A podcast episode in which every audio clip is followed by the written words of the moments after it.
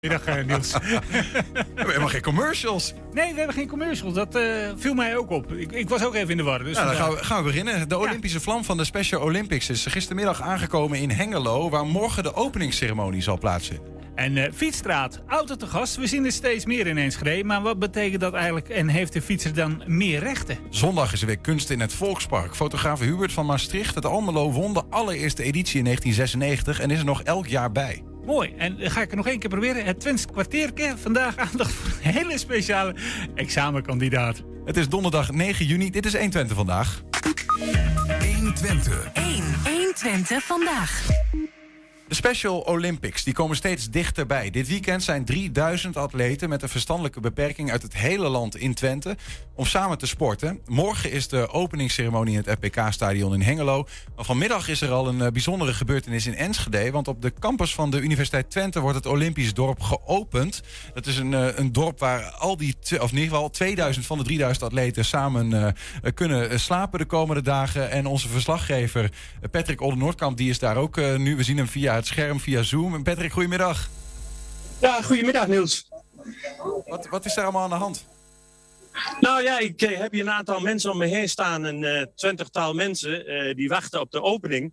Het is een ceremonie die door Marjolein van den Brink wordt verricht. Marjolein van den Brink is een van de medewerkers, of een van de deelnemers moet ik zeggen, aan deze Special Olympics.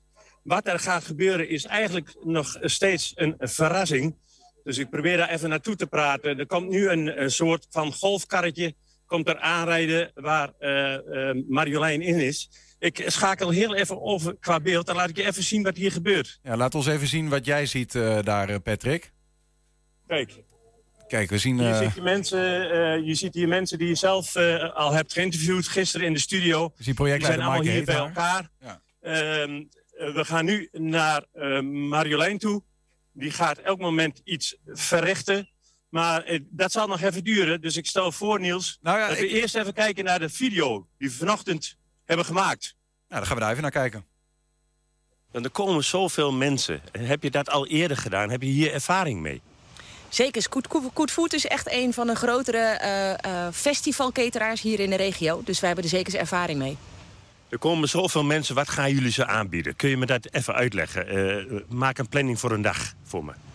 Nou, we beginnen natuurlijk 's ochtends met het ontbijt. Dat begint al heel vroeg, om 6 uur. Ehm, daar worden de buffetten voor opgezet. Mensen kunnen zelf pakken naar gelang wat ze willen.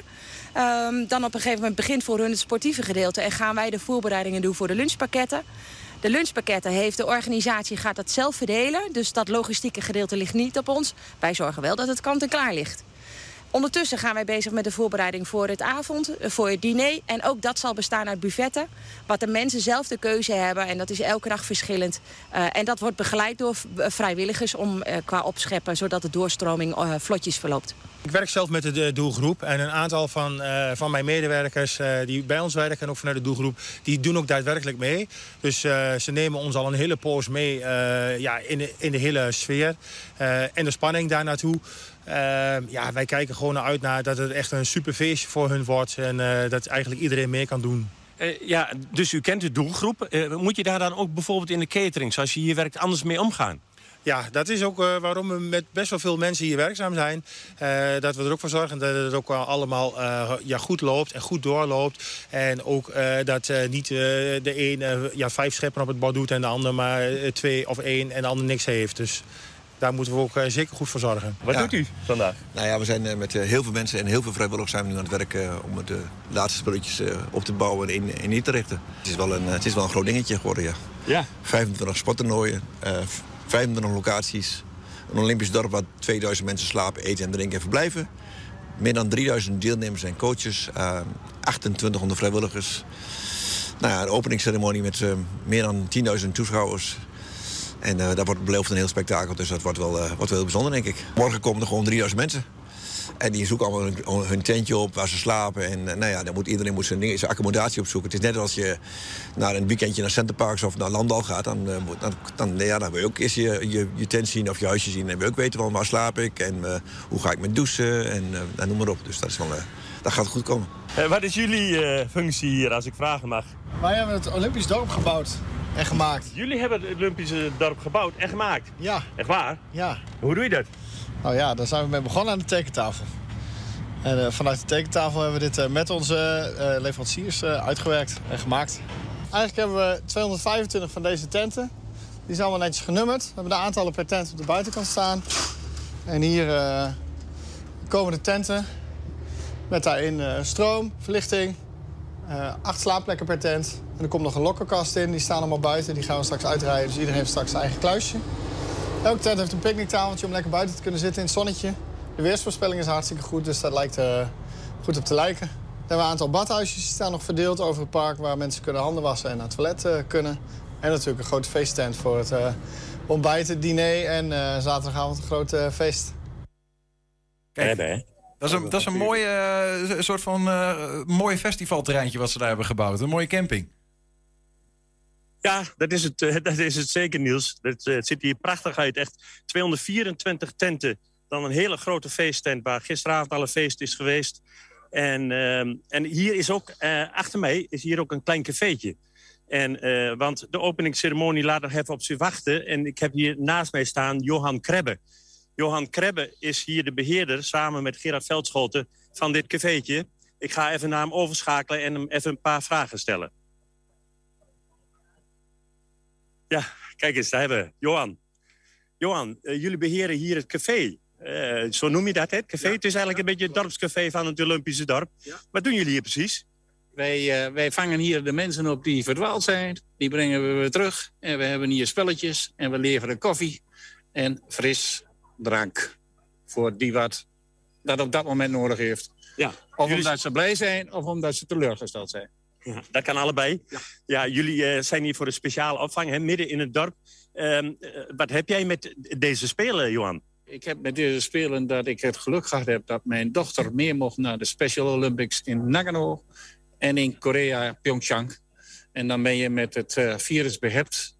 En dan moet je daar ook wat tijd vrij voor maken zodat je uh, met elkaar bent, bent en uh, de vrijwilligers uh, steunen. Ja, je noemt het al vrijwilligers. Hè? Er werken hier 2800 vrijwilligers aan mee. Hoe kom je bij zoveel mensen? Ja, ik denk dat de mensen zelf ook of de kennissen hebben of, in de of met een groep werken. En op die manier daar graag tijd voor vrijmaken. Ja, en je kunt het dus vanuit persoonlijke redenen heel goed begrijpen. hoe is het om hier mee te werken überhaupt? Het is fantastisch. Je ziet het mooie weer, je ziet de mensen, je ziet uh, de tenten eh, als het er zo staat. En merkt hoe groot als het is en hoeveel plezier als er is. En als je die sporters ziet en ze hebben een medaille, dat is fantastisch. Ja, dat is mooi om te zien, denk ik. En je weet wat het is. Je dochter heeft eh, mee geschaatst, heb ik ja. begrepen, op de Olympische Games. Um, um, dus je kunt je invoelen eigenlijk in wat al die deelnemers hier voelen. En ik, uh, ik denk ook dat iedereen, als, als, als het is en je hebt een prestatie geleverd... en het voordeel van deze dingen is dat de sporters gelijkwaardig zijn... en dus met een goede dag winnen en een slechte dag krijgen ze een andere plaats.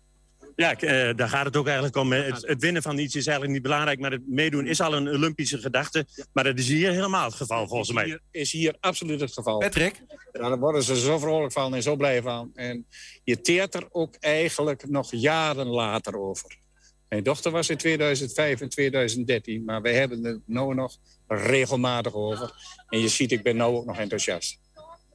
Ja, Niels? Patrick, mag je nog, ik, uh, ik, weet niet, mag je nog een vraag stellen? Ik even naar mij over weer. Ja, nou, ik wil eigenlijk, Patrick, misschien zou je Johan die vraag kunnen stellen. Want jij bent er natuurlijk ook omdat nu dat Olympisch dorp wordt geopend. Hè, dat, dat die openingshandeling kan elk moment plaatsvinden. We hopen dat we dat nog binnen ja. ons gesprek te zien krijgen. Um, maar waarom, want ik heb ook begrepen dat die sporters morgen pas komen. Waarom wordt dat dorp dan vandaag al in die zin geopend? Dat zal ik even aan, aan Johan gaan vragen. Johan, heb je enig idee? Hè? morgen is eigenlijk, uh, komen de eerste deelnemers aan. Hè? Uh, de eerste mensen die hier komen slapen ook. 2000 mensen. Uh, waarom is vandaag eigenlijk al die opening van dit dorp? Volgens mij is dat om de vrijwilligers vast hun positie te laten vinden. Te laten wennen, de weg te kennen en het te leren. Waar we moeten zijn als er wat is. Ja, dus het is eigenlijk ook een, een beetje een, een, een voorzorgsmaatregel. Ja, voorzorgsmaatregel. En ons uh, blij maken dat het uh, begint. En dat we ons erop kunnen verheugen op het grote feest. Oké, Johan, bedankt. Heb je inmiddels al wat zicht op, uh, op wat ontwikkelingen daar, Patrick? Want uh, ja, goed, uh, vijf over half was ongeveer de bedoeling. Of is het nog een beetje, hebben ze het nog, nog lastig met de openingshandeling? Nou ja, het is nu Mike, die je heel goed kent. Die doet nu het woordje. En mij wordt gevraagd afstand te nemen. omdat ik te luidruchtig ben. Je kent mijn stem. dus ik denk dat ik heel even... ik ga kijken. Er is een lintje en Marjolein van den Brink, die inderdaad gaat deelnemen aan deze Spelen... gaat dat zo doorknippen. Daar zal ik dan later op terugkomen. Goed, gaan we voor nu even afsluiten. Dat is in ieder geval die openingshandeling. Het Olympisch dorp voor de Special Olympics wordt daar geopend... voor al die 2000 deelnemers die daar gaan slapen. En er zijn er nog eens duizend die daar dus niet slapen... maar die wel meedoen. Totaal 3000 deelnemers in, heel Twente dit weekend, verdeeld over alle 14 Twentse gemeenten. Uh, Patrick Olden-Noordkamp, dankjewel en uh, succes daar nog. En we horen later wel even dan op onze website van wat er allemaal plaats heeft gevonden vandaag. Zometeen fietsstraat auto te gast. Hè? Dat zien we steeds meer in Enschede. Maar wat betekent dat eigenlijk? En heeft de fietser daar dan ook meer rechten? We zijn ook als podcast luisteren via alle bekende platforms. Je vindt daar hele uitzendingen elke dag een item uitgelicht. 1 Twente vandaag. De Olympische vlam van de Special Olympics is gistermiddag aangekomen in Hengelo. Onder politie-escorten bracht een groep brandweer- en politieagenten de fakkel richting het stadhuis. Het Olympisch vuur maakte de afgelopen dagen toch langs alle 14 gemeenten waar de Special Olympics worden gehouden.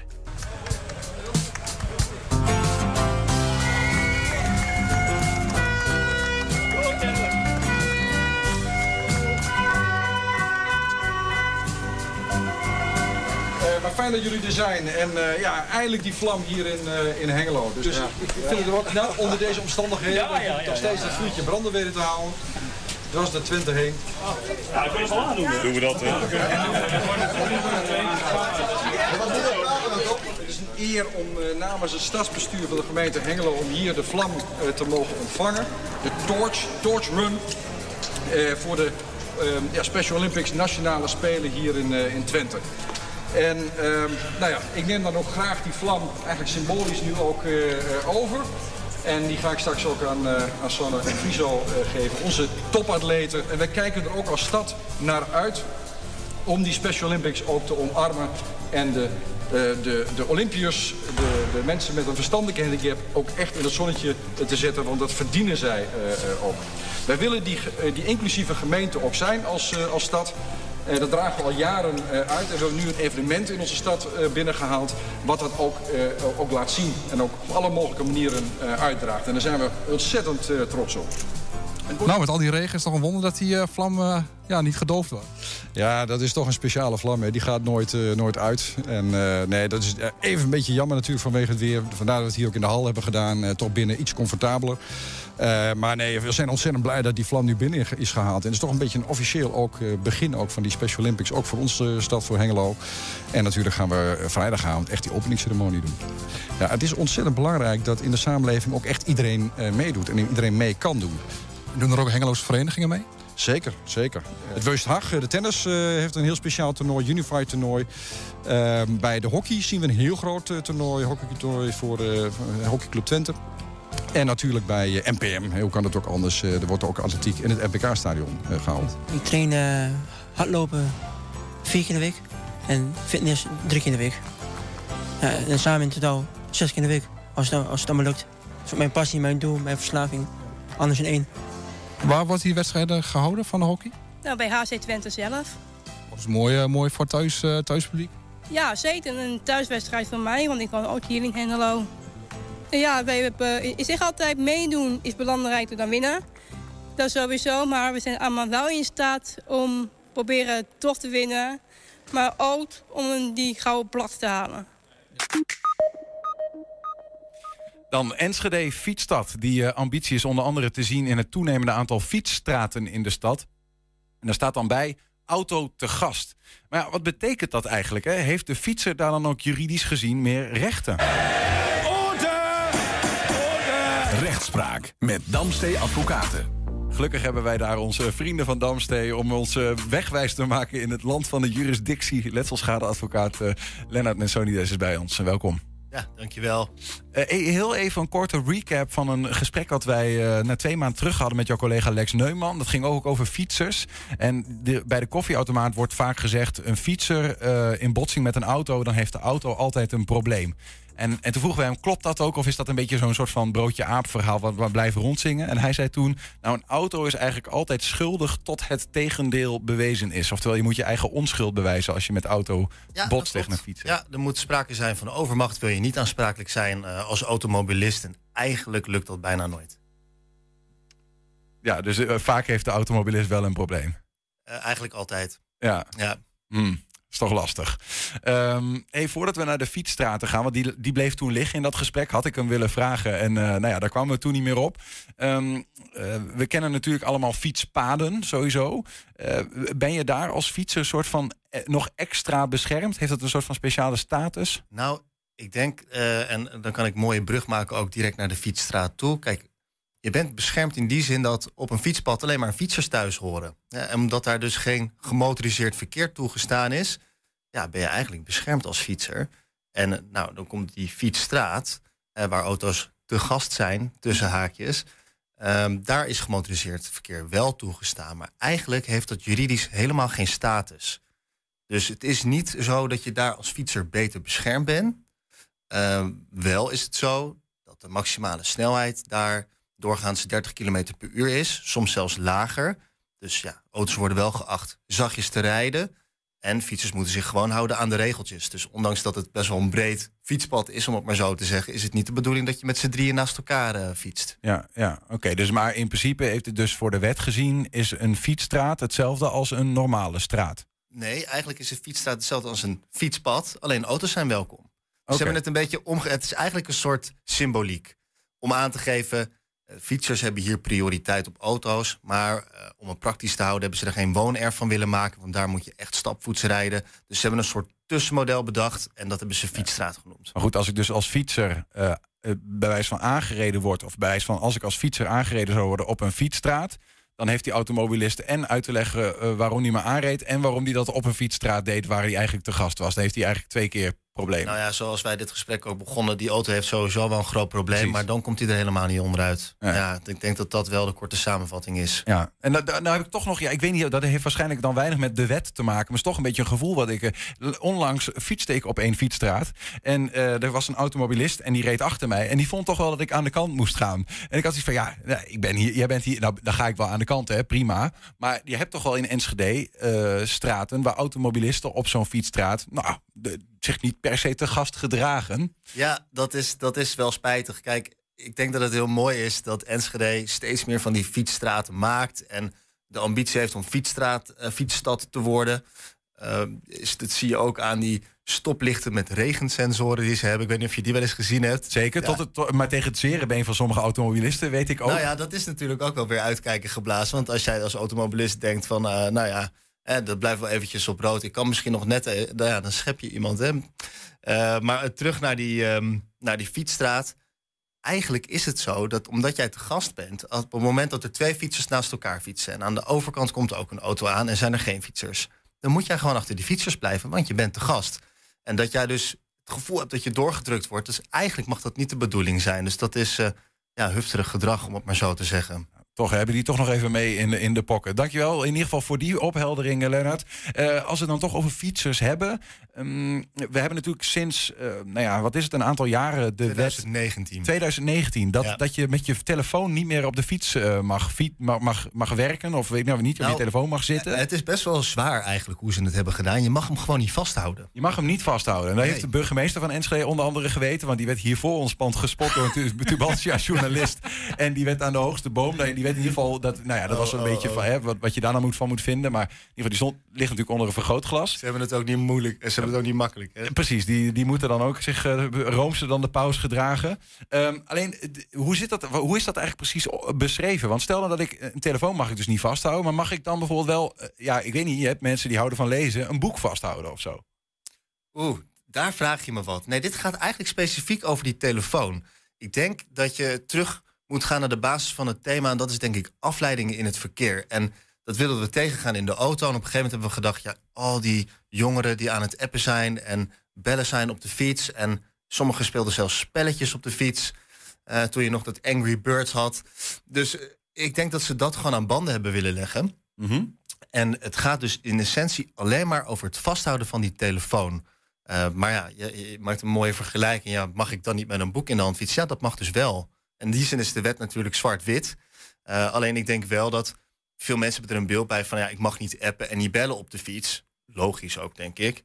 Eh, maar als ik naar een straat moet of ik ben in een binnenstad die ik niet zo goed ken... dan kan ik prima navigeren op de fiets. Maar dat mag dus ook niet. Nee, dan krijg nee. je ook die boete. En die is gewoon 104 euro, inclusief administratiekosten. Ja. Dus die is niet mis. Die krijg je liever niet. Nee. Maar ja, die- je hebt natuurlijk ook dingen die er een beetje tussenin hangen. Hè. Tegenwoordig eh, die mooie eh, oordopjes die iedereen in heeft zonder draadje of wat dan ook.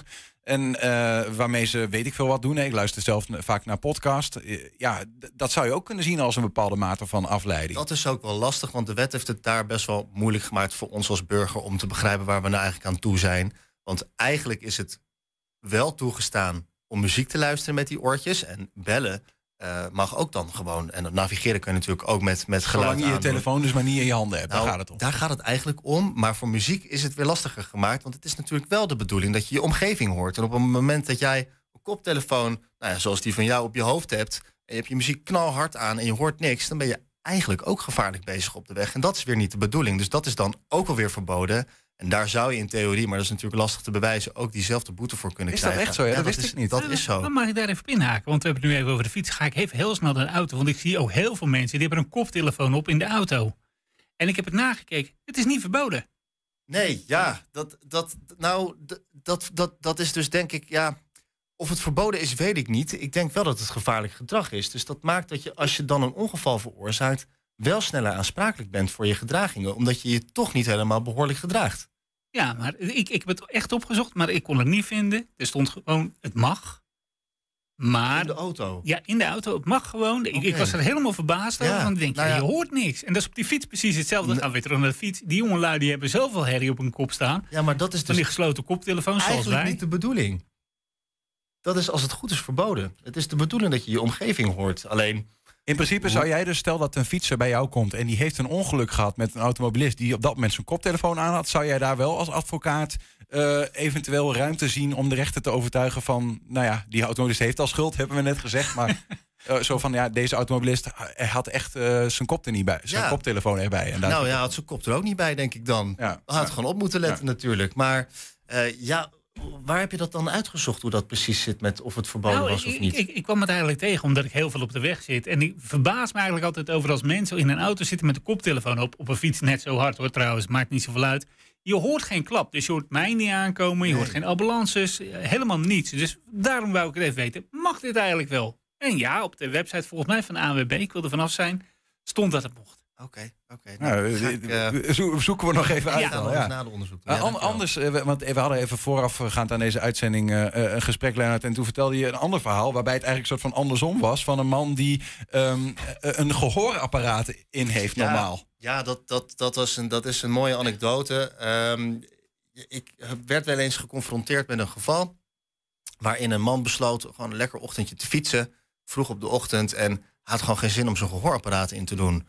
Eh, en hij ging een rondje fietsen. En ja hoor, hij hoorde natuurlijk een auto die achter hem reed eh, niet aankomen. En boom, ongeluk. Ja, die automobilist zegt, moord en brand ook overigens... Die man die, die, die, die, die zwalkte over de weg en geen gehoorapparaat in. Maar ja, er waren natuurlijk geen getuigen. Dus dat is dan altijd een wel eens niet eens verhaal. Maar vast stond inderdaad dat hij gehoorproblemen had. En zonder gehoorapparaat in ieder geval slechthorend was. Anders heb je ook zo'n apparaat niet nodig Ja. natuurlijk. Dus dat is ook, ja, daar is ook niet zo eh, veel tussen te krijgen. Ja, dat is natuurlijk wel lastig. Want die automobilist hij had schade aan, aan de bumper. Die was natuurlijk ook kwaad. Die moest al zoveel vergoeden. En die had zoiets van, ik wil wel dat jij een deel van die kosten draagt. Ja, wat doe je dan als advocaat? Een lastig, eh, lastig pakket zit je dan in. En uiteindelijk gaat het nog steeds... eh, is het ja, lastig nog steeds voor die automobilist om er onderuit te komen.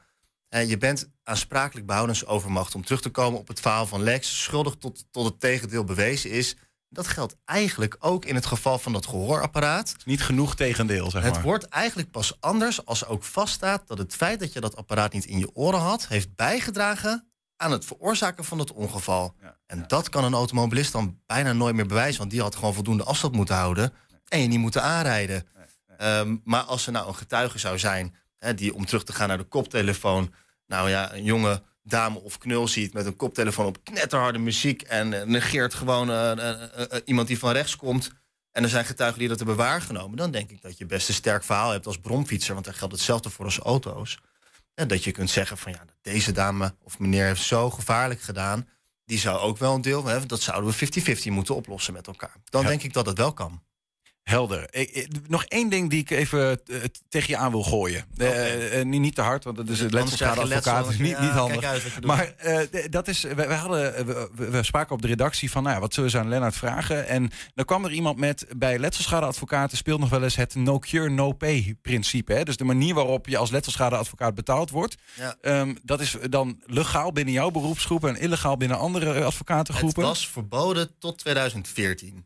Eh, dus dat zegt eigenlijk al een klein beetje, nou ja, in ieder geval mijn persoonlijke gevoel over de hele systematiek. Alleen in letselschade en bij overlijdensschade is het niet verboden. Dus in letselschadeprocedures is het bij wijze van pilot toegestaan tot 2019. En dat is daarna verlengd tot 2024. Dus Maar, het mag. Oké, dus de- de- het mag, maar jij bent niet helemaal. eh er staat ah, want ik zou denken, ja, no- als ik jou nodig heb als letselschadeadvocaat, no cure no pay betekent als jij er voor mij geen eh, winst uit kan halen, eh, dan betaal ik ook niks. Oftewel, het is altijd gratis. Dat klinkt heel aantrekkelijk. is precies, denk ik, wat het misverstand is. Men denkt dat het gaat om gratis rechtsbijstand. Alleen dat is nou juist wat het niet is. Want op het moment dat iemand die procedure voor jou wint, dan moet jij een groot gedeelte, in ieder geval een substantieel deel van jouw schadevergoeding afstaan. En dus, dus er is wel degelijk een tegenprestatie.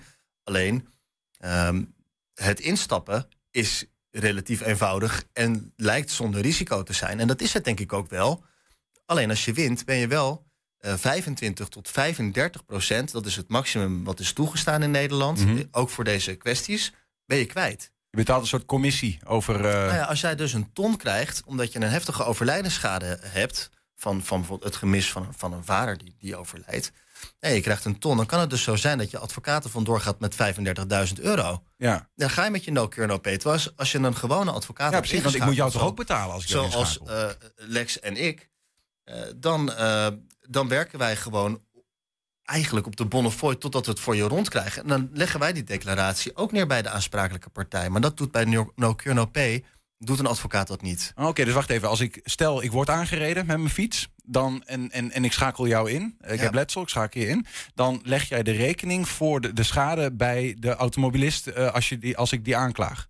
In beginsel gaat het eigenlijk altijd naar, die, naar de aansprakelijke partij. Het wordt pas lastig op het moment dat die persoon eh, niet verzekerd is. Want dan zal die de kosten zelf moeten dragen. Nou, als jij al iets van 5000 euro aan schade hebt, wat zomaar zou kunnen zijn als je iets breekt, eh, eigen risico, je fiets is kapot, je, eh, noem maar op. Ja. En ik moet je vervolgens gaan helpen en ik ben er ook een paar uurtjes mee bezig. Dan gaat het toch gauw over, nou, pak een beetje 7,5, eh, eh, 7500 euro. Ga dat maar eens betalen als particulier. Daar ben je wel eventjes mee bezig, denk ik. Dus dan, dan wordt het een moeilijk verhaal. Maar zo werkt het wel. En door wie krijg je dan eigenlijk betaald als die tegenpartij niet goed verzekerd is? Nou ja, dat hangt er dus vanaf hoe, hoe je dat aanpakt. In principe krijg je dan niks.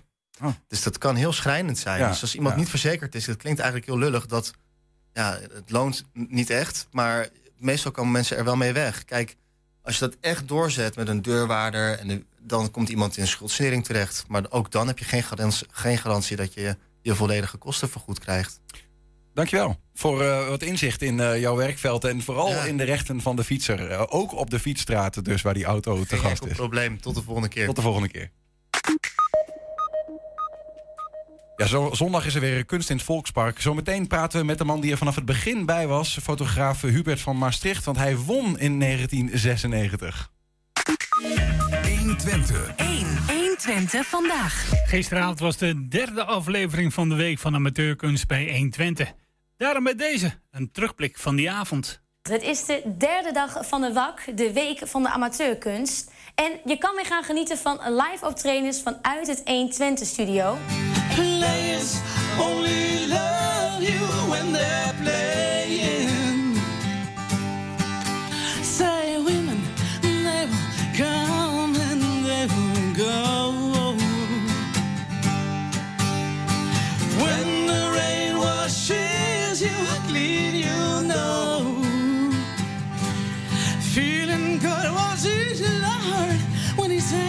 The blues.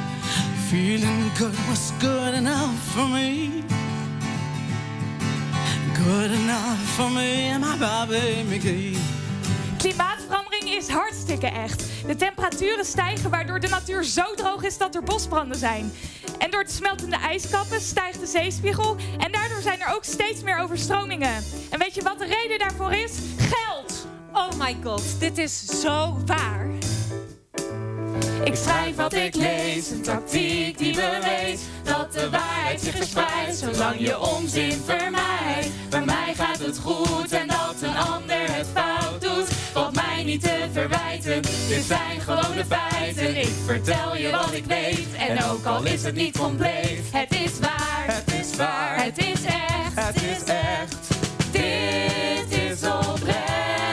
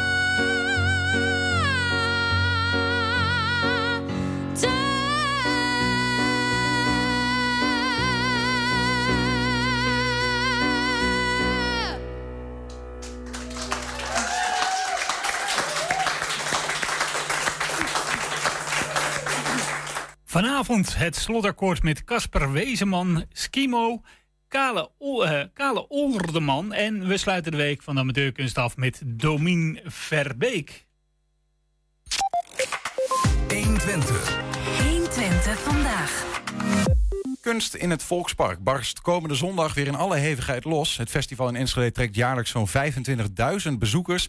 en is daarmee het grootste kunstevenement van Twente. Bijzonder dit jaar is het nieuwe kunstdorp... waarin de belangrijkste culturele instellingen van de stad laten zien... wat ze te bieden hebben. En er doet een record aantal deelnemers mee, kunstenaars dus. Bijna 200 amateurs en professionals die eh, laten hun werk eh, zien.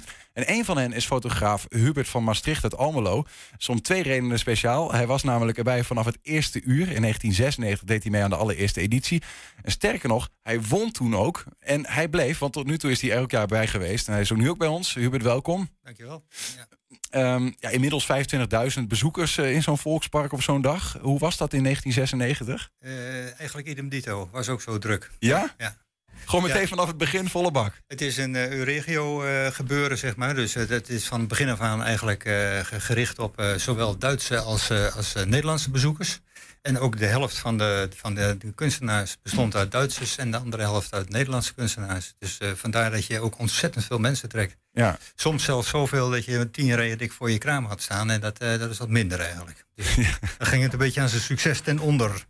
Ehm, je, je won, hè? En ik eh, ben ook wel benieuwd wat je dan won. Maar misschien in de eerste instantie even kijken waarmee je gewonnen hebt. En dan gaan we zo meteen naar wat je won. Volgens mij zit er ook wel een mooi verhaal achter. Ja. Eh, waarmee je won waren de fotosequenties. Je hebt ook een boek bij je waarin, eh, waarin dat staat. Misschien kun je die heel even omhoog boek, houden. eh, ik, heb, ja, ik heb al mijn foto's zo'n beetje in boeken uitgebracht voor mezelf. Om een beetje een naslagwerk. Iets hoger aan houden. Om een naslagwerkje te hebben van wa- wat ik zo al gemaakt heb. En dit is een boek dat bestaat uit fotosequenties. Ik heb een, een boek thematische series, tabletop fotografie en gemanipuleerde fotografie gemaakt. En inmiddels zou ik alweer een boek kunnen maken. Dus, eh, nou, Nou, daar- laten we even, even kijken, want we hebben er een aantal beelden uitge- Oh, ja, al uitgelicht uit. van nog voor, eh, voor 1996. Want toen won je met, de met de fotosequenties. Wat je daar ziet is een van de allereerste die ik gemaakt heb, zeg maar. Allemaal nog 1982. ana- analoge fotografie. Dus eh, Dit is, dit is een, een, een verhaal eigenlijk. Je ziet vier luiken met een pop die aan flarden wordt gereden. Nou, een fotosequentie betekent dus eigenlijk letterlijk filmisch opeenvolgende beelden. Dus ik probeer verhalen te vertellen binnen vier, vijf beeldjes, zeg maar. Ja. En dat moet dan een afgerond verhaal zijn. Laten we nog eens naar zo'n verhaal gaan. Want dit vond ik ook wel een hele mooie. 1988. een man die een lamp opeet, zo lijkt het soort. De lampeneter, ja. Een gigantisch grote lamp die je normaal gesproken niet in de mond eh, kunt eh, stoppen. Ik eh, probeer in dit soort series ook heel vaak een beetje humor te stoppen. En als dat overkomt, dan, dan ben ik heel gelukkig eigenlijk. En dat, dat blijkt dat heel veel mensen dit erg leuk vinden. Dus, Ja. Maar het is wel, het, het is, het is bewerkt. Mag ik hopen voor die vent, toch? Eh, of niet? Hij heeft uit, aan het einde voor de luisteraar gele ogen. Hij eet een lamp en aan het einde heeft hij ook Het gele ogen. zijn allemaal nog analoge foto's die afgedrukt zijn op zwart-wit materiaal en na die tijd met eiwit lazuurverf ingeschilderd zijn met een kwastje. Dus daar is een kleurtje op aangebracht om eh, accenten aan te brengen. Ja. Ehm, misschien nog eentje, dan even de, de, de. Ja, dit is ook mooi. Maar ik wil nog even eentje die. we- Want je maakt nog steeds die sequenties. In 2017 heb je er een gemaakt. Dat vond ik ook wel een hele leuke. Omdat hier een bepaalde mate van eh, spanning van uitgaat. Ja, klopt. En deze heb ik in opdracht gemaakt. Oké. Ik kreeg de opdracht van een bedrijf en die doet in eh, risicoanalyse. Dus ik dacht van, nou, hoe kun je dat nou leuk maken? Door een, eh, een simpel beeld te maken van drie beeldjes en de titel ermee te geven van doet hij het wel of doet hij het niet? Nou, het ligt er dik bovenop. Dus Ja, ja, je voelt gewoon dat het eh, eh, bijna misgaat. En eh, dat het ei bijna aan zijn einde komt, eh, om het zo maar te zeggen. Eh, deze overigens zal daar niet bij hebben gezeten. 2007 moet ik mezelf Nee, die herstellen. ook later gemaakt. Ehm, eh, maar die andere die hebben jou uiteindelijk daar eh, op die allereerste editie van Kunst in het Volkspark de winst eh, bezorgd. Wat won je toen eigenlijk? Eh, nou, dat was een hele verrassing hoe dat ging eigenlijk. Want ik wist bij God niet dat daar een, eh, een, eh, een prijs aan verbonden was. Ik was al blij dat ik mee mocht doen in eh, kunst in het Volkspark. Eh, dus ik werd toegelaten en ik was denk ik de enige fotograaf in, de, in eh, 1996. En toen bleek smiddags, eh in het eind van de middag om half vijf, hoorde ik allerlei trommeltjes op de achtergrond. En dat geluid dat werd eigenlijk steeds heftiger. En er kwam een hele groep met mensen, met trommelaars, die, eh, die wandelden tussen al die kramen door met de organisatie erachter. En die bleef uiteindelijk voor mijn kraam staan. En eh, met een he- heleboel kabaal en een heleboel toestanden werd mij dus verteld dat ik de, de, zowel de juryprijs als de publieksprijs had gewonnen. Ik wist nergens van, maar het was hartstikke leuk. Jij dacht, ik wist überhaupt niet dat er een prijs Nee. was. Maar wat kon je mee naar, weet je dat nog, wat je mee naar huis nam? eh, het was een prijs van 1500 euro gulden, dacht ik, van, van de LBS-bank. Of 1000 gulden, ik weet het niet precies meer. Ja. Eh, dat was de grote sponsor van het, van het eh, Kunst in het Volkspark. En een kunstwerkje van een voorgaande winnen, eh, nee, van iemand die ze uit hadden genodigd om iets te maken uit Duitsland. Maar eh, ja, naar aanleiding van dat kunst in het Volkspark eh, heb ik toch ontzettend veel leuke dingen overgehouden. Wat je eigenlijk niet voor kunt stellen en ook niet kunt programmeren voor die tijd. Want wij- mensen zien dat, eh, dat jij wint en willen je dan voor... Ze hebben, wat ze hebben verschillende series van mij aangekocht. Ik kreeg een opdracht van de gemeente Oldenzaal om daar drie series voor te maken. In de stijl waarin ik fotografeerde in gebouwen in Oldenzaal. Ik heb meegedaan aan Kunst in de Bank. Dat was een project van de Amro Bank. Eh, in Overijssel eh, organiseren ze allemaal eh, exposities. Ja. En er is een televisieprogramma van gemaakt zelfs. de- met, over de, de winnaar, zeg maar. Nou, ik, ik vond het onvoorstelbaar wat dat voor impact had. En dat voor die eerste editie toen. Terwijl ja, Kunst in het Volkspark zichzelf ook nog moest bewijzen, min of meer. ja. Ja. Ehm, eh, overigens, die 1500 die hebben ze erin gehouden. Ik heb even gevraagd. Dit jaar is dat ook weer 1500 euro voor, eh, voor de winnaar. Uitgereikt door, de, door de wethouder. Euro inderdaad, dat is nog wel een ander verhaal. Oh wel. Ja.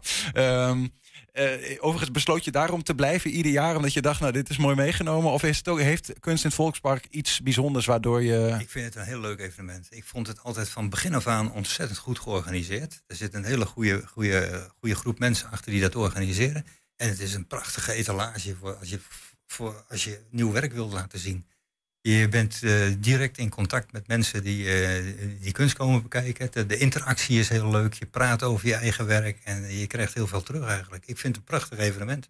Want het is de men, er komen wie- 25.000 mensen. Daar zijn mensen bij die komen gewoon kijken. Maar ook mensen die echt iets komen kopen. Toch? Dat is ook een soort markt. Er zijn kopers, er lopen galeriehouders tussen. Er zit van alles tussen. Dus, eh, en, en- Doe je ook goede zaken op zo'n dag? Ja. Ik heb de afgelopen jaren best wel goede zaken kunnen, kunnen doen. Ja. Ik heb heel veel uitnodigingen gehad. Bijvoorbeeld in, in Duitsland een keer uitgenodigd om daar een cultuurcentrum te openen met een expositie. Ik was de eerste die daar exposeerde. Ja. Ik maakte in die tijd ook nog met, eh, met Lambert Maaseland, een vriend van mij samen, maakte ik eh, audiovisuals. Dus projecties met vier projectoren tegelijk op muziek. Ook verha- verhalen die verzonnen zijn, zeg maar. En dan heel strak op muziek gecomponeerd lieten we die zien. Mhm. En ja, dat was hartstikke leuk. Ja. Ik heb even je oeuvre wat betreft exposities bekeken. Dat is een hele lijst waar je vanaf 1990 eigenlijk exposeert. Is kunst in het Volkspark een eh, eentje die eruit springt op een zekere manier? Wat, wat, als je hem afzet nou, tegen andere Nou, daar expositiemogelijkheden? ben ik wel het meest frequent geweest, laat ik het zo zeggen. Ja. Dat eh, vind, vind ik wel leuk. Vanwege die sfeer en die, het aantal mensen en de, manier, de, de, de galeriehouders die er komen, dat Ja, soort dingen. Ja, ik heb ook wel andere kunstmarkten bezocht hoor. Maar ja, kunst in het Volkspark springt daar bovenuit. Ik vind dat e- een van de best georganiseerde en een prachtige locatie ook, moet ik zeggen. Ja. Ik vind het leuk om eh, met je ook nog even te, te kijken naar eh, wat je nog meer zoal maakt. Hè? Want we zagen die sequenties waarmee je in, te- in 1996 kunst in het Volkspark won. Maar je maakt meer. Ik zag bijvoorbeeld dit even voorbij komen. Ja, dat zijn thematische series, ook weer met een, eh, met een beetje humor erin verstopt. Dat noem ik culinair apart. Dat zijn dus eigenlijk gerechten die eh, nou, niet, eh, niet echt eetbaar zijn, maar waar, waar een beetje absurd, eh, absurdistisch gerecht op ligt, zeg maar. En inmiddels ben ik aan de, aan de, aan de derde serie toe daarvan. Dus, Ja, we zagen een, een- vis ehm, eh, vastgenageld aan een bord. Ja, je moet eigenlijk gewoon kijken. 120.nl kun je het meekijken. Dat is moeilijk uit te leggen. We, gaan even naar de volgende. Want dit herkennen we allemaal. Gezichten zien in... Ja, nou, dat, is, ja dat, dat kom je dan toevallig een keer tegen. Ik moet zeggen, ik fotografeer zelden dat ik een camera bij me heb en ga onbevangen de straat op. Ik ben echt een geanceneerde fotografie. Dus ik bedenk van tevoren foto's. Die schets ik vaak ook helemaal tot in detail uit. En dan pas ga ik fotograferen. Eh, dit kom je dan toevallig tegen en daar zie ik dan wat in. En dat, is, eh, dat zijn dus een paar rotsen ergens in Rovigny, geloof ik. eh, Ja, ja. Dit is de- ook volgens mij daar. In ieder geval hè, een, een kleurrijke foto. Totaal wat anders. Allemaal in HDR-achtige beeldjes uitgevoerd. Maar is dit, is dit bewerkt? Want eh, eh, dit lijkt voor mij als een soort van bijna computertekening. Ja, die zijn, eh, eh, dat noem ik ook HDR, High Dynamic Range noemen ze dat. Dus daar ga je de contrasten dingetjes ga je wat opvoeren. En dat gaat... Ik heb hier zelfs op de Kunst in het Volkspark een discussie met iemand over gehad. Dat was geweldig. Die man die zei tegen mij van, god, dat heb je knap getekend hoor. Geweldig, prachtig, hoe krijg je dat van elkaar? Ik zei, maar dat zijn geen tekeningen, dat zijn foto's. En die ging een discussie met mij aan, die geloofde dat niet. ik zei, nou, ik heb ze toch echt zelf gemaakt. weet Ja. Ja, en die, maar die bewerk je dan op computer nog wel na, in Ja, dat zijn, opzicht. Die zijn eh, bewerkt. Ja. Eh, nog even die laatste, nog misschien Chris. eh, want want jij, je, je fotografeert ook iets waar eh, veel vrouwen misschien ook blij mee zullen zijn. Katten. Eh, is het, ben je een kattenliefhebber? Wat vind je er mooi aan? Ja, wij hebben zelf zes katten. Dus, eh, en eh, ja, ik vind, die kopjes die vind ik geweldig, Ja. prachtig. En het is niet alleen maar het fotograferen van een kopje, maar ik probeer er dan net even wat meer mee te doen. Ik, ik, ik stop ze in een andere ondergrond, eh, ik ver- ver- vermeng ze met... eh, ik mag heel graag in oude ruimtes en, en mooie structuurtjes fotograferen. En eh, ja, dat verwerk ik daar weer in. Dat vind ik dan net even wat meer hebben in zo'n portret. Wat, Eh, eh, het is allemaal wel conceptueel aangepakt. Dus op eenzelfde manier gefotografeerd, zeg maar. Ja. Die, die zo'n serie. Dus eh, dat moet allemaal wel kloppen, vind ik. Kan iedereen tegenwoordig fotograaf zijn met die iPhones die allemaal heel veel bijzondere dingen kunnen? Of is dit vloeken in de kerk? Het blijft kijken. Dus De, de fotograaf maakt de foto. Niet, niet het apparatuur, zeg ik altijd. Dat denken veel mensen wel, hè? Ja. Ik geef al jaren fotocursussen. En ik merk gewoon ah, de, de laatste jaren... Ik, ik denk dat ik dat wel 35 jaar lang doe met een, met een vriend van mij samen. En ik merk gewoon dat de instroom van de mensen, dat de basis van fotografie steeds minder is. Ze hebben steeds minder Ja. bagage in huis. Het wordt steeds lastiger om, om uit te leggen van hoe, hoe, hoe een camera werkt. Want het is al belangrijk om te weten van dat er een sluiter in zit en, en, en een diafragma. En dat die dat samenspel. En hoe, hoe vaak mensen een hele dure camera kopen en alleen maar op eh, automatisch zetten. Want ze weten de rest toch niet. Nee, het is echt belangrijk. Ik, en de- ik zeg altijd, de fotograaf maakt de camera, niet de camera. Jij Ik- ziet het beeld wat uiteindelijk eh, dan eh, Ja, eh, waard is om vastgelegd te worden en op welke manier. Ehm, ik, ik, nog, nog één vraag die ik echt wel eh, gesteld wil hebben is ook eh, zondag. Wat ga je eh, meenemen voor ons naar ik Kunst in ben het met een Volkspark? heel, heel nieuw concept bezig. En dat is, eh, dan la- sla ik deze twee- vijf maar even over. Want die, dat is ook een leuke serie trouwens. Maar ik kan veel meer laten zien. joh. Ja, dat geloof ik. ik ben met een serie met mezelf bezig. En een van de eerste die daarvan ontstaan is... Oh, die heb ik niet eens bij me. Nou, die, die, die serie die noem ik eh, Back, eh, back to... Ba- back Hou, hem even naast je hoofd. Dan Back to my zien. roots. Ja, zo kunnen we goed zien. Back to my roots. En dat verhaal dat gaat erom dat je dromen hebt, je hebt herinneringen, maar die verminken in de loop der jaren. En nou probeer ik dat weer een, een beeld van te creëren. En dit is zo'n beeld waar ik dan eh, wat, wat, waar ik heb geput, zeg maar, als, als herinnering. Ik was tien jaar, Toen schilderde mijn opa dit schilderij, wat hierboven hangt. Alleen, dat was dan Willem van Oranje. En ik vond het geweldig om mezelf daar weer in te verwerken en dat in een andere situatie te brengen. En daar wat dingetjes in te verwerken waar ik over gedroomd heb, of wat dan ook, of wat me herinner. Wat misschien helemaal niet klopt, maar helemaal verminkt is. Is wel, je hebt het verhaal er wel bij nodig om er, om er op die manier naar te kunnen kijken. Hè? Ja, Vertel je dat dan ook aan mensen die daar bij die ja, komen staan? Ik weet niet of je nog wat wil laten zien. Als ze dat willen weten wat ik aan het doen ben, dan, eh, dan is. eh, ik eh, kan absoluut niet schaken. Maar ik heb hier een, een, een schaaksessie gemaakt waar, waar ik tegen mezelf schaak. En de schaakstenen, dat ben ik ook zelf. Oh ja, ik zie het. Ja, dat heb ik nog niet gezien. En de opstelling, dat is Fischer tegen Kasparov. Oké. Zo is dat opgesteld is. Ik snap de symboliek denk ik wel een beetje. Dus ja, eh, maar het, is ook een beetje humor te proberen in te stoppen natuurlijk, uiteraard. Dus eh, ja. Wat leuk. Dit soort beelden ga je eh, aankomende zondag Ja, eh, laten zien. ja. Heb, je, heb je nog eentje? Nog Ja. Eentje om het af te leren. Eh, van deze serie wil je? Ja. Ja, nou bijvoorbeeld deze, dat zou kunnen. Of ja, ja laten we deze pakken. Die is, eh, daar zit ook nog wel een, een leuk eh, ding in. Dit is Willem Tel niet. Willem tel niet. Ja, dus net de omgedraaide wereld. Ja. Je staat op de appel. Even voor de luisteraar. Eh, verstandig misschien ook wel. Aan de andere kant, ja, is- je richt de pijl wel op jezelf in dat opzicht. ja. Mooi. Ehm, aankomende zondag gaan we het te kunnen zien. En je hebt waarschijnlijk nog veel meer werk om daar eh, te laten zien. Ja. Ehm, Ik heb nog een serie schoenenpret bij me. Ik weet, heb je nog tijd of niet? nou, eentje. Eh, laat ik de ene zien. Laat ik er twee tegelijk Whatever. Het is donderdag. Eh, Hubert is op bezoek. Ik was in bij deze heb ik vorig jaar, de, of twee jaar geleden, de Herman Krikhaarprijs in Almelo gewonnen. Eh, deze serie noem ik Schoenenpret. En dat is inmiddels een serie van een stuk of eh, 15 eh, varianten geworden.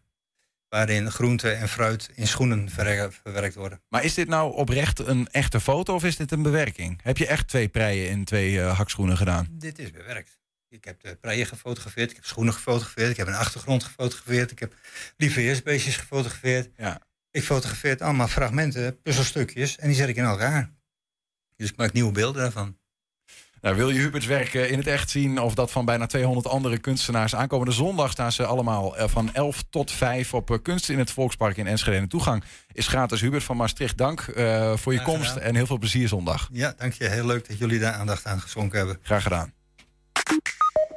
Heb je een tip voor ons? Mail het dan even naar onze redactie. Kan via info.120.nl 120. 120 vandaag. Henk, wij eh, gaan we je even inwisselen. Ja, ik, eh, ik heb het begrepen. Voor Julian eh, gaan we jou inwisselen. Ga ik En- om de koffie? Ja, de- de- gaan we, gaat in, in verband met het Twents kwartierken. Dat komt nog wel in de uitleg. Blijf maar even kijken. Komt-ie. Ja, Ja, we zijn er. Ja, we, we zijn nu even voor eh, de goede orde dus iets eerder op de dag. Eh, we nemen dat eh, wat eerder op. eh, want Ja. Adrie, jij hebt andere bezigheden. Komen we zo op. Maar laten we eerst even beginnen met die terugblik. Zoals we dat doen, gewoon zoals ons betaamt. Wat zat er vorige week in het Twents kwartierken? Dat, dat gaan we natuurlijk doen. nou, dat, was, dat ging over de Pinksterbroodjes. Hè. Dat was uh, oetpoesten. Dat is uitblazen van het ei onder de koon van de Pinksterbroodjes. Ja, het Ja. is helemaal ingewikkeld hoor, was het. Maar eh, het was een ja, oetpoest. Oetpoesten klinkt meer als uitknijpen trouwens, als ik het nu zo zie. Maar ja. Besmoor. ja. Besmoor, dat is de overgrootmoeder of de grootmoeder. Oma, Oma. Besmoor. Ja. En dan hadden we nog meer eh, de Melbuul. En dat Ja. is een inwoner van Borne. Ja, maar ook een meelzak. Hè? De, de eh, meelzak, ja. zoals Niels dat Ja. zo mooi beschreef. En Ja. eh, de bewoners van Borne even een eh Maar, toch, maar, maar, maar de gemiddelde man in Borne, ik kan erbij door hoor, is niet echt... Is, Ja. Ben jij Lijkt niet echt op een mailzak dus. Nee, ben jij nog bedreigd, Niels? Uit iemand van Borne? Eh, ik heb dit keer geen bedreiging ontvangen. ja. Nee, de gemiddelde man in, de, in, in Borne die, eh, Ja. kan erbij deur, hè? Dat is leuk. Ja. Ik zie jou een beetje zo Is jouw wel. koptelefoon te hard of te Nee, zacht? maar hij, in mijn hoofd is misschien te klein, wat ik heel vreemd vind, want hij zakt een beetje af. Oh, Oké. Maar Oh, oké. Nee, op ja. zich is op deze leeftijd zakt alles dus. nou ja, laten we dan maar naar het vierde woord gaan. En want dat was woord van de week, voezel. Ja. Zijn de microfoons overstuurd of klinkt dat voor mij gewoon Nee, zo? dat klinkt gewoon heel hard. Ehm, voezel, ja, de drank, die kennen we natuurlijk. Hè? Die hadden we ook een keer eerder gehad. Ehm, dat vorige week. Zometeen hebben we weer een, een nieuwe quiz eh, die je ons gaat eh, voordragen. Met eh, nou ja, drie, vier nieuwe Twentse woorden met daarbij Nederlandse betekenis. Nou, daar kunnen we wat van leren. Ehm, en die leiden we altijd in met een onderwerp. Eh, voordat we daar naartoe gaan, je hebt ook iets meegenomen. Dat staat er even los van. Hè? Ja, Wat ja, heb je dus- meegenomen? Ja, ik heb de, de beurtbalkjes zijn klaar. Dus, Hou ze eh, even omhoog als je oh, wil. Ja, waar zit de camera? Ja, Oh, in de hoek, hè? Ja. Ehm, Wie Nou. ziet hoe gern token mal? ja, we zien je graag de volgende keer. Oké, de to- token, token, volgende ja, keer? ja. Maar dit zijn die, die dingen die in de supermarkt dus zeg maar op de kassa liggen. En vorige keer hadden we dus het concept. En nu, dit is Dit wat is er officieel... eh, maar bij, bij hoeveel supermarkten ligt dit nou in Twente Het dan? is ook al 15, ik moet ze nog rondbrengen, maar ik heb de eerste vier geplakt. Nou, het is... eh ja, het is dus- gewoon allemaal Adrie Hemming original. Ja, ja, ja, nou ja, goed, de rest moeten ze zelf doen. Dit is gewoon voor de sier, hè? Ja, ja, ja, ja, ja. Beetje verkooptrucje dit. Ja, ja, maar het moet dus meer worden, toch? Alle Twentse supermarkten Ja, dat hoop ik wel, maar dan moeten ze wat bij bestellen. Dus, Ja. ehm, Ja. Eh, Wat voor uitspraak heb je nog meer? Eventjes eh, een oh, paar eh, wat, uitlichten. wat door de eier, die is ook leuk. Ja? ja, Ja, zo zien we het niet. Je moet Oh, iets omhoog. Ja. wat door de eier betekent, eh, hoe duur zijn de eieren? Oh, Ja, dus niet van of ze zo nou eh, bedorven Nee, zijn of, dat of ze uitkomen. uitkomen. Nee, wat door de eier betekent, hoeveel kosten ze? Oké. Ja. En dat geldt voor alles. Wat, wat Ja, wat de auto, wat door het... eh, Eh, wat doet de auto is het wat dan? en de wat, auto? wat als het meervoud is, dan Ja. eh, wat door de eh, dus wat kost? het. Ja. Oké, ja. Ja. Nog eentje? Oh, nog eentje. Eh, even kijken. eh die? Wat je? ai- Oh, Loma Kuhn, Loop maar los. Ja, die kennen we natuurlijk. En de andere, als je plat kunt praten, Als je plat kunt sporen. mooi nog laat. Mooi Nou, nog nou, dan gaan we, gaan we een beetje Mooi, oefenen. mooi, Daarmee mooi, gaan we dan maar een beetje oefenen weer. Ja. Hè? Ja. Zometeen eh, die nieuwe eh, woorden. En die leiden we altijd in met een, met een thema. Ja. Ehm, eh, dat gaan wij zeg maar vanmiddag doen. Ehm, maar omdat jij er vanmiddag niet live bij kunt zijn, gaan we jou bellen. Ja. Zometeen. Dit is moeilijker dan even- Inception. We zitten Dit in de Matrix. Dit is... We Maar we, zijn gaan, we zitten, zijn nu eerder opgenomen en straks gaan we je weer live bellen. Maar want wat gebeurt er vanmiddag, Adrie? Nou, vanmiddag krijgt mijn dochter Elin, dan kreeg dus de uitslag voor, de, eh, voor het examen, van het examen. Dus wie, dus wie hoopt dat ze het haalt heeft. Middelbare scholier. Ja, is in alles, die heeft nog niks gegeten vandaag, dus... eh, Die kreeg de. Oerslag, Maar wat voor een eh, examen heeft ze dan? HAVO. HAVO-examen. Ja, ja. Liever, liever een 6 zonder stress dan een 7 zonder leven, zegt ze altijd. Maar dat is, nu is dat... eh, Nu is er toch wel stress eh, met die zes. ja, precies. Kun jij die stress nog herinneren, Niels?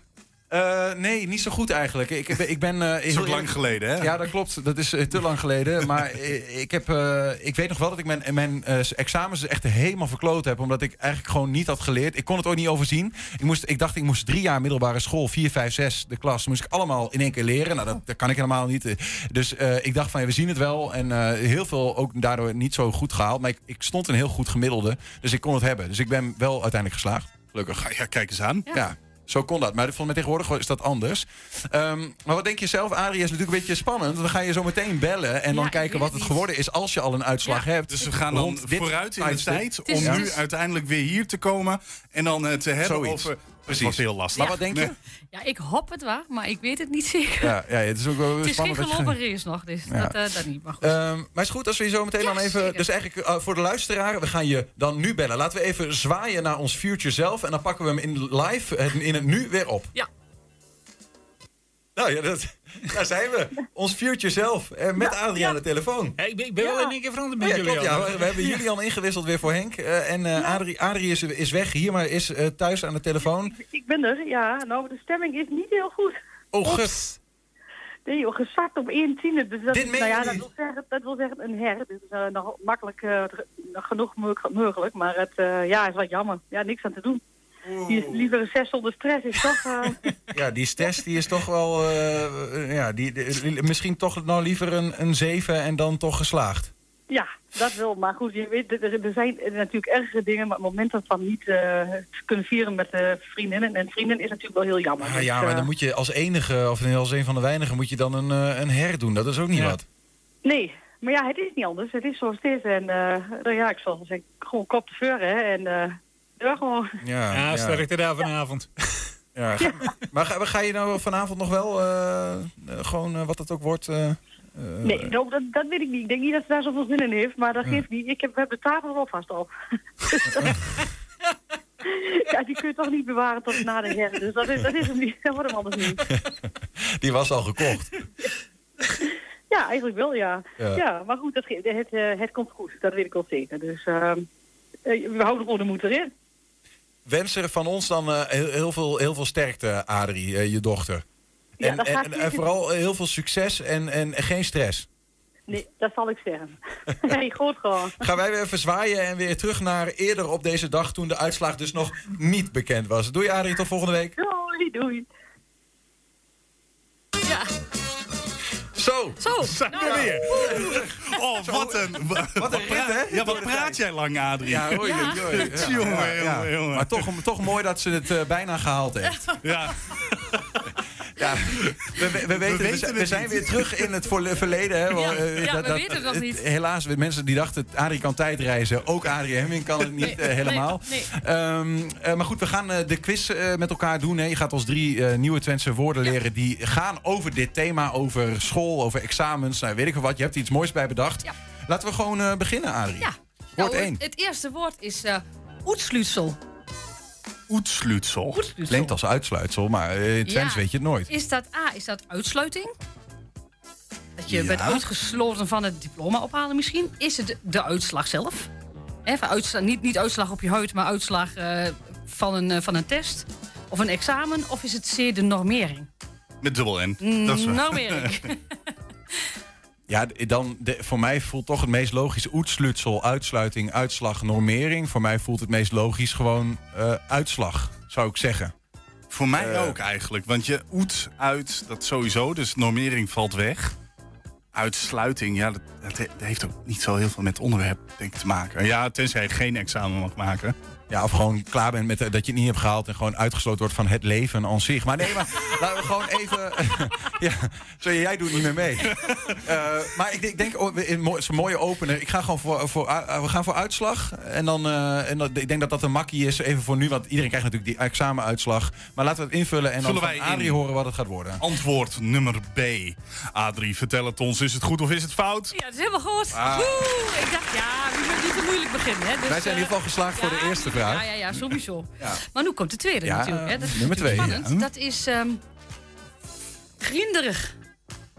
Het is heel Ik denk dat ik een idee heb. Grinderig. Ja, is dat, is dat ehm, A, is dat eh, horkerig? Hè, er is heel vaak wel... een- Ik, ik, ken wel mensen die heel horkerig reageren op mensen die een negatieve...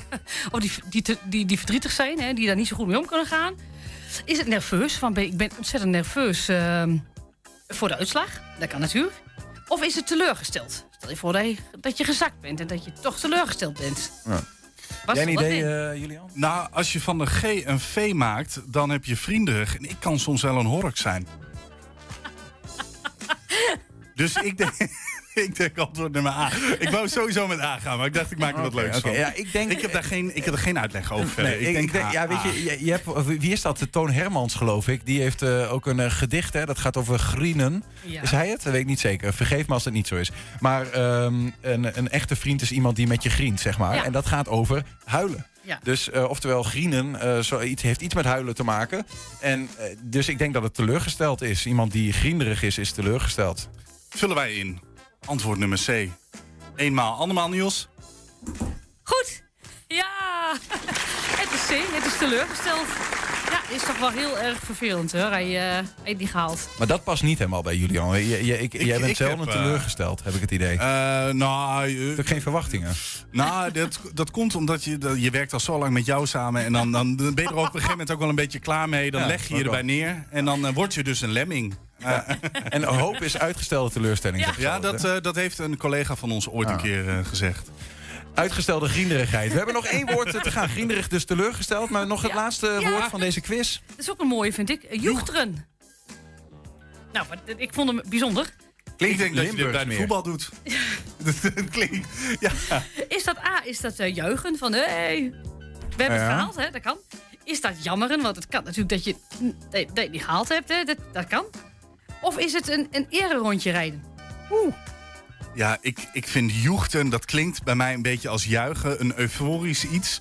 Eh ronde rijden, daar zouden ze wel een, een, een zinnetje van hebben of zo. Dat zal niet een woord zijn, denk ik. Die gooit joechteren. Eh, ja, je weet het niet. Ja, eh eh, bij de voetbal ben je aan het joechten.